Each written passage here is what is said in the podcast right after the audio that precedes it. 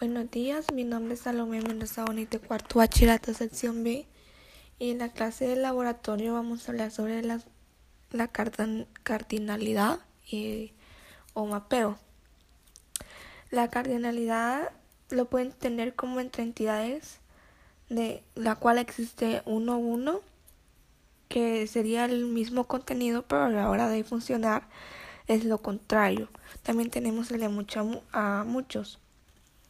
Entendí también que para tener relacionado, relaciones los cuatro mapeos y también para poder crear la base de datos necesario, debemos saber las reglas de negocio, la cual pueden representarnos el texto que nos podrían dar la base de datos, la cual ya tenemos que saber cómo identificarlos, qué mapeos cuál claramente, también puede asociarse mediante una binaria las, las reglas de negocio son como las reglas o pasos para llevar a cabo una base de datos y llevar ordenadamente el proceso.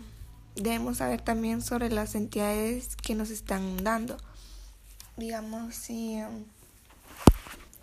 si en mi negocio yo quiero saber sobre eh, las personas que trabajan, cuánto les voy a pagar, lo que hacen y todo eso.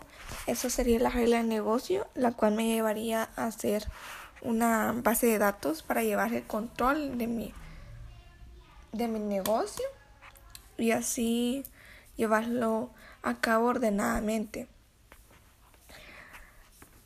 O también podemos tener como ejemplo el lo de los alumnos de un colegio que tenemos como carrera, alumno, profesor y materia. Debemos analizar bien lo que el problema nos dice.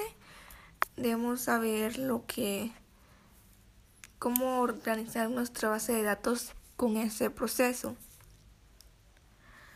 Podemos Debemos analizarlo y saber bien lo que vamos a hacer. Podemos también aquí como alumno estudiar la carrera y el alumno cuántas materias lleva. Esta sería la carrera 1 y el alumno serían muchos. Y así como en, mi en mi base de datos de de mi de mi negocio puede que una persona haga muchos trabajos y, así sucesivamente.